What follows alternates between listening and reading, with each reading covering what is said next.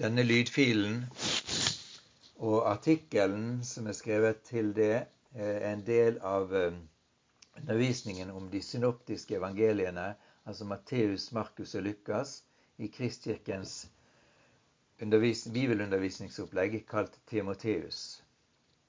Vil du lese den, så finner du det altså som artikkel på Kristkirkens nettside under eh, undervisningen om de synoptiske evangeliene høsten 2022. Dette kapittelet her eh, har overskriften 'Særtrekk og særstoff i de synoptiske evangeliene'.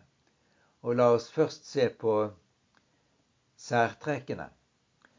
Finner vi noen spesielle trekk i hvert av de synoptiske evangeliene som skiller dem fra hverandre? Det er mye likt i struktur, språk og innhold men det er også noen tydelige forskjeller som forteller at det er tre ulike forfattere med hver sin bakgrunn og hver sin målgruppe. Kanskje har hver av dem også noen teologiske sannheter som de vil understreke. La oss begynne med Matteusevangeliet. I dette evangelieskriftet finner vi mange sitater fra Det gamle testamentet. I teologien kalles de refleksjonssitater. Matteus bruker dem ganske sikkert bevisst for å vise sammenhengen mellom Det gamle testamentet og det han forteller om Jesus.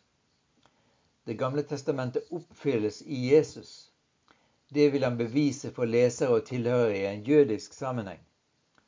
Refleksjonssitatene kjennetegnes ved at det innledes med 'dette skjedde for at det skulle oppfylles', som er talt ved profeten, og lignende.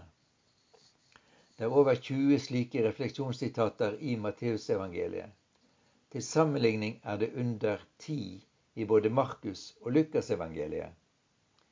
Det første finner vi allerede i fortellingen om Jesu fødsel. Alt dette skjedde for at det ordet som skulle oppfylles, som Herren hadde talt gjennom profeten. Se, jomfruen blir med barn og skal føde en sønn. Matteus 1,22 og følgende hentet fra Jesaja 7,14. Når vismennene kommer til Betlehem for å hylle Jesus, ser Matteus på nytt oppfyllelsen av en profeti i Det gamle testamentet. For slik står det skrevet hos profeten. Du, Betlehem i Juda land, er slett ikke den ringeste av fyrstene i Juda. Fra deg skal det komme en fyrste som skal være hyrde for mitt folk Israel. Matteus 2,5, hentet fra Mika kapittel 5, 1. Også flukten til Egypt og tilbakevendingen til Israel er ifølge Matteus beskrevet hos en profet. Slik skulle det ordet oppfylles som Herren har talt gjennom profeten. Fra Egypt kalte jeg min sønn. Matteus 2,15, hentet fra Hosea 11,1. Kong Herodes drepte guttebarna i Betlehem i jakten på Jesus. Matteus viser til et ord hos profeten Jeremia 31,15 for å vise at det er forutsagt i Skriftene. Da ble det oppfylt som er talt gjennom profeten Jeremia. I Rama høres skrik. Johannes døperen er det også profetert om i Skriftene. Det er om ham det er sagt ved profeten Jesaja, en røst roper i ødemarken, rydd Herrens vei. Matteus 3,3 hentet fra Jesaja 52,7. Det at Jesus bosatte seg i Kapernaum, i Sebuluns og Naftalis land, er også en oppfyllelse av en profeti. Slik skulle det ordet oppfylles som er talt gjennom profeten. Matteus 4,13, hentet fra Jesaja 9, vers 1 og følgende. Bergpreken er full av stoff fra både Det gamle testamentet, både Toraen, profetene og Skriftene uten at Matteus skriver det direkte. Jødiske lesere vil imidlertid se det umiddelbart. Saligprisningene stemmer med Det gamle testamentets budskap. Til og med bønnen 'Vår Far i himmelen' er en jødisk bønn. Men etter bergprekenen begynner Matteus igjen å vise til at det som skjer med og gjennom Jesus, er oppfyllelsen av Skriftene. Når Jesus begynner sin helbredelsesvirksomhet, slik det blir fortalt i kapittel 8 vers 17, siterer Matteus fra Jesaja 53, 17, den sterkeste profetien om Herrens tjener. Slik skulle det ordet oppfylles som er talt gjennom profeten Jesaja. Han tok bort våre plager og bar våre sykdommer. Da Matteus ble kalt av, til å følge Jesus, kapittel 9 vers 10, hørte han selv disse ordene fra Hosea 6,6 og Mika 6,8 sitert av Jesus. Det er barmhjertighet jeg vil ha, ikke offer. Det å følge Jesus kan også ha som konsekvens at en blir forfulgt. Slik er det forutsagt i Skriftene. Sønn står mot far, datter mot mor. Mika kapittel 7, 6 og Salme 55, 13, gjengitt i Matteus 10, 14. Når døperen Johannes var fengslet og ble anfektet i spørsmålet om Jesus virkelig var Messias, Matteus 11, svarte Jesus med flere ord fra profeten Jesaja 29, 18, 35, 5 og 61, 61,1. Blinde ser, lamme går, og evangeliet forkynnes for fattige. Enda en gang viser Jesus til at det er profetert om døperen Johannes i Det gamle testamentet. Se, jeg sender min budbærer foran deg han skal rydde vei for deg. Matteus 11,10, som gjengir Malakki kapittel 3 vers 1. I kapittel 12 siterer Matteus Jesaja 42, den første sangen om Herrens tjener, det som på hebraisk kalles Eved Javé. Slik skulle det ordet oppfylles som er talt gjennom profeten Jesaja. Se min tjener som jeg er utvalgt, den elskede, i ham har jeg min glede. Når Jesus taler i lignelser, slik det er fortalt i kapittel 13, siterer han selv Jesaja kapittel 6 vers 9 og følgende. Matteus skriver at Jesus sier på dem blir dette profetordet av Jesaja oppfylt. Dere skal høre og høre, men ikke forstå. Enda en gang i kapittel 13 vers 34 skriver Matteus om hvorfor Jesus talte i lignelser. Slik skulle det ordet oppfylles som er talt gjennom profeten. Jeg vil åpne min munn, min munn og tale i lignelser. Salme 78, vers 2. Fra den dagen Jesus kommer til Jerusalem for å lide og dø, slik det er fortalt i Matteus kapittel 21 og følgende, siterer Matteus en mengde ord fra Det gamle testamentet for, det, for å fortelle at det er profetert om alt det som skjer. Når Jesus rir inn i Jerusalem, skriver Matteus 21,4.: Dette skjedde for at det ordet skulle oppfylles som er talt gjennom profeten. Si til datter Sion, se din konge kommer til deg, ydmyk er han og rir på et esel. Det er hentet fra Jesaja 62,11 og Zakaria 9,9. Og da Jesus skulle henrettes, siterer Matteus fra Salme 22. Så korsfestet de ham, og de delte klærne hans mellom seg ved å kaste lodd om dem. Salme 22, vers 19. Det er viktig for Matteus at alt det som skjer med Jesus i påsken, er nøyaktig oppfyllelse av det Gud har forutsagt i Skriftene. Slik får vitnesbyrdet autoritet blant jødene. Denne type refleksjonssitater er det ikke så mange av i de to andre synoptiske evangeliene. Hvorfor? fordi Lukasevangeliet primært er skrevet til ikke-jødiske lesere, og Markusevangeliet er et evangelieskrift for både jøder og ikke-jøder i Alexandria, en by der det for øvrig bodde svært mange jøder på den tiden. Også litt om særstoff. Blar vi gjennom evangeliene, ville vi finne særstoff i alle tre, men mest hos Matteus og Lukas. Med særstoff mener vi innhold som ikke er tatt med i de andre synoptiske evangeliene. Matteusevangeliet begynner med Jesu ettertavle. Den ligner delvis på ettertavlen i Lukasevangeliet, men med én vesentlig forskjell. Mens Lukas beskriver Jesu ett helt tilbake til Adam, begynner Jesu ettertavle med Abraham hos Matteus. Vi forstår det når vi tenker på hvem evangeliene er skrevet til. Matteus skriver for jøder som regnet Abraham som stamfar for Israel og det jødiske folket.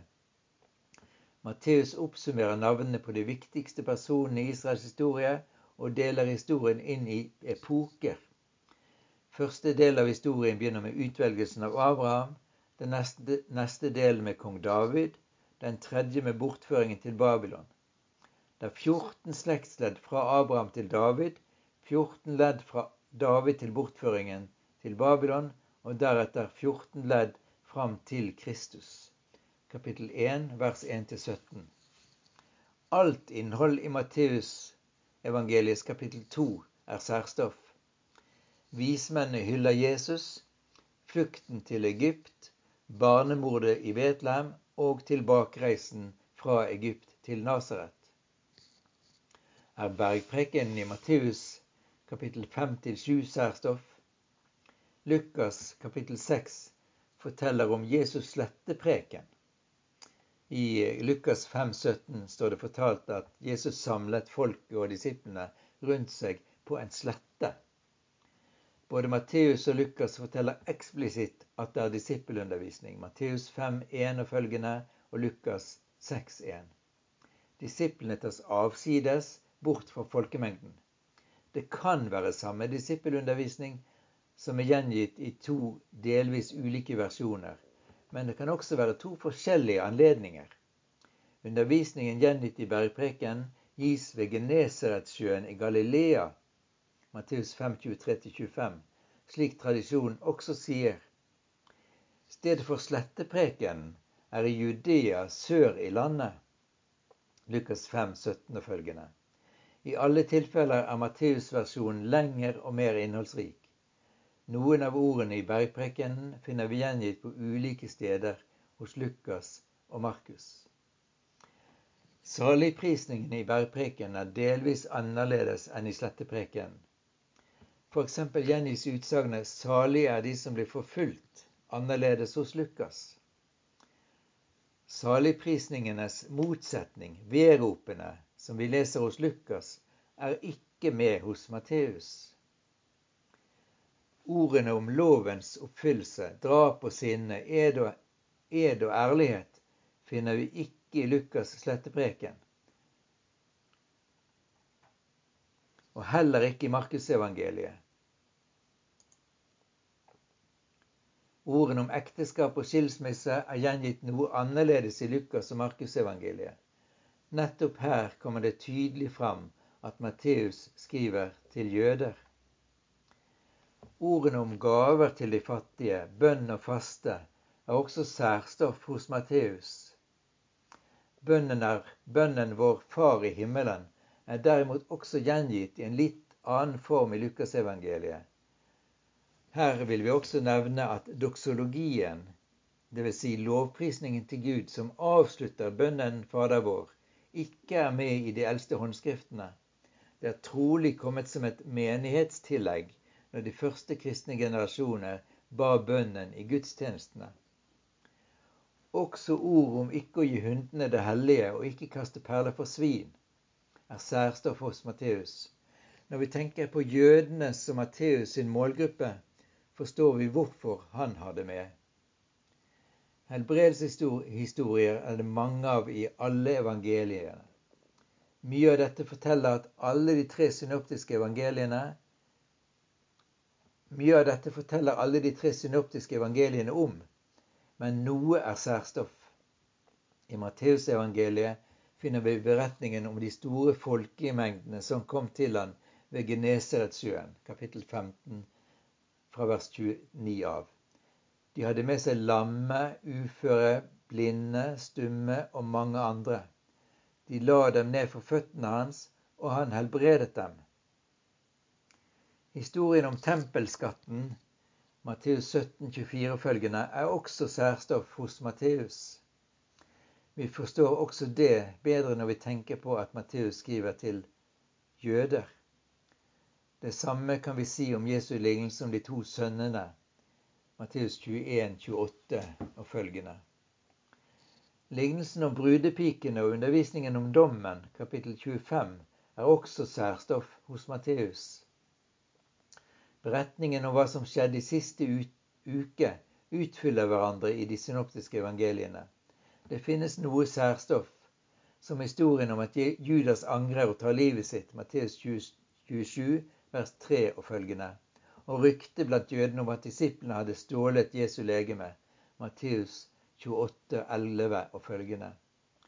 Dette ryktet spredte seg blant jødene, skriver Matteus. Da forstår vi hvorfor det ikke var nødvendig for Lukas, Lukasevangeliets lesere å høre det. I Markusevangeliet er det svært lite særstoff. Han gjengir noen ganger noen fortellinger litt annerledes enn Matteus og Lukas. Historien om den blinde mannen ved Betzaida 822 følgende er det bare Markus som skriver om. Misjonsbefalingen i Markus 16, 15 følgende gjengis på noe ulik måte i alle tre evangeliene. I Lukasevangeliet finner vi på nytt mye særstoff. Lukas forteller innledningsvis hvorfor han skriver, hvem som er kildene, og hvem han skriver til.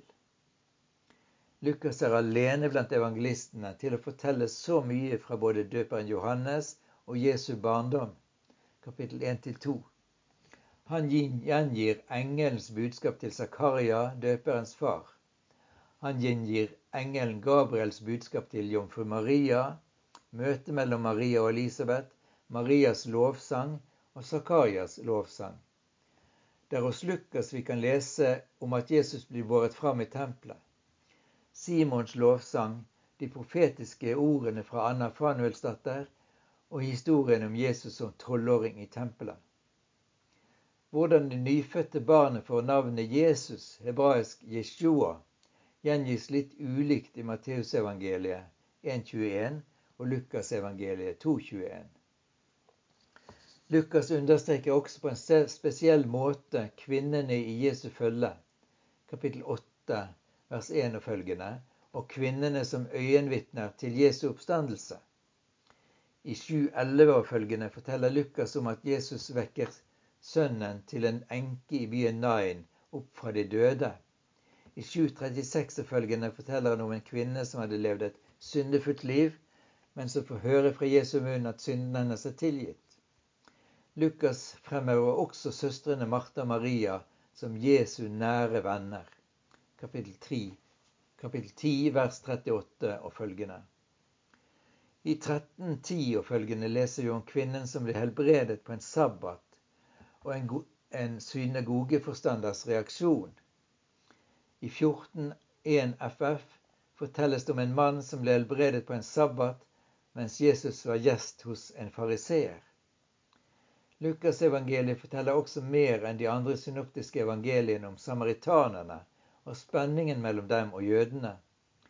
I 9.51 og følgende leser vi en interessant historie om hvordan Jesu disipler Jakob og Johannes reagerte da samaritanerne ikke ville ta imot Jesus og disiplene fordi de var på vei til Jerusalem. I kapittel 17, 11 leser vi om samaritanen som tilba Jesus etter han var blitt helbredet fra spedalskhet. Og i 1025 følgende finner vi den, kanskje den mest kjente historien, nemlig om den barmhjertige samaritan. Jesus fremstiller, Lukas fremstiller samaritanerne positivt og peker på at frelsen også gjelder dem. Annet særstoff hos Lukas er lignelsen om den rike bonden, kapittel 12 vers 13 og følgende, Jesu ord om omvendelse og dommen, kapittel 13, og lignelsen om fikentreet som ikke bar frukt, kapittel 13, vers 6 og følgende. Lukas gjengir flere lignelser som vi ikke finner hos Matteus og Markus. Lignelsen om sølvmynten som ble funnet igjen, kapittel 15, 8 og følgende. Om den bortkomne sønnen som kom hjem igjen, kapittel 15. Om den kloke forvalteren, kapittel 16 om den rike mannen og Lasarus kapittel 16 vers 19 og følgende, om enken og dommeren som ikke fryktet Gud og ikke tok hensyn til noe menneske, og til slutt finner vi lignelsen om fariseeren og tolleren, bare gjengitt hos Lukas kapittel 18 vers 9 og følgende. Alle disse dramatiske og lærerike lignelsene vitner om stor fortellerevne. Det er lette å huske og inneholder viktige poeng. Apostlenes bønn til Jesus om å gi dem større tro, Lukas 17, 5 og følgende, er også særstoff hos Lukas. Det samme er den gode historien om Sakkeus, kapittel 19. Beretningen om at Jesus gråt over Jerusalem, kapittel 19 fra vers 41. Og Jesu ord om å våke og be slik at hjertet ikke blir sløvet, kapittel 21, vers 34 og følgende. Og til slutt Jesu avskjedsord til de tolv, kapittel 22, fra vers 24. Lukas' beretning om Jesu oppstandelse er også med noe som de andre evangelistene ikke forteller om. Jesus åpenbarer seg for to disipler på veien til Emmaus, kapittel 24 og fra vers 13. Som vi har sagt, misjonsbefalingen gjengis ulikt hos de tre evangelistene. Versjonen vi finner i Lukasevangeliet kapittel 4, 24, bør leses sammen med apostlenes gjerninger kapittel 1. Så en konklusjon. Vi kan være utrolig takknemlige for at Matteus, Markus og Lukas skrev ned det de hadde hørt og sett, eller fått fortalt fra øyenvitner om livet og budskapet til Jesus. Vi kan være takknemlige for at noen gjorde jobben med å bestemme hvilke skrifter som skulle bli med i den nytestamentlige kanon. Og vi kan være takknemlige for alle dem som har gitt det videre til oss her er det skatter i mengde for alle som tror på Jesus og vil følge ham.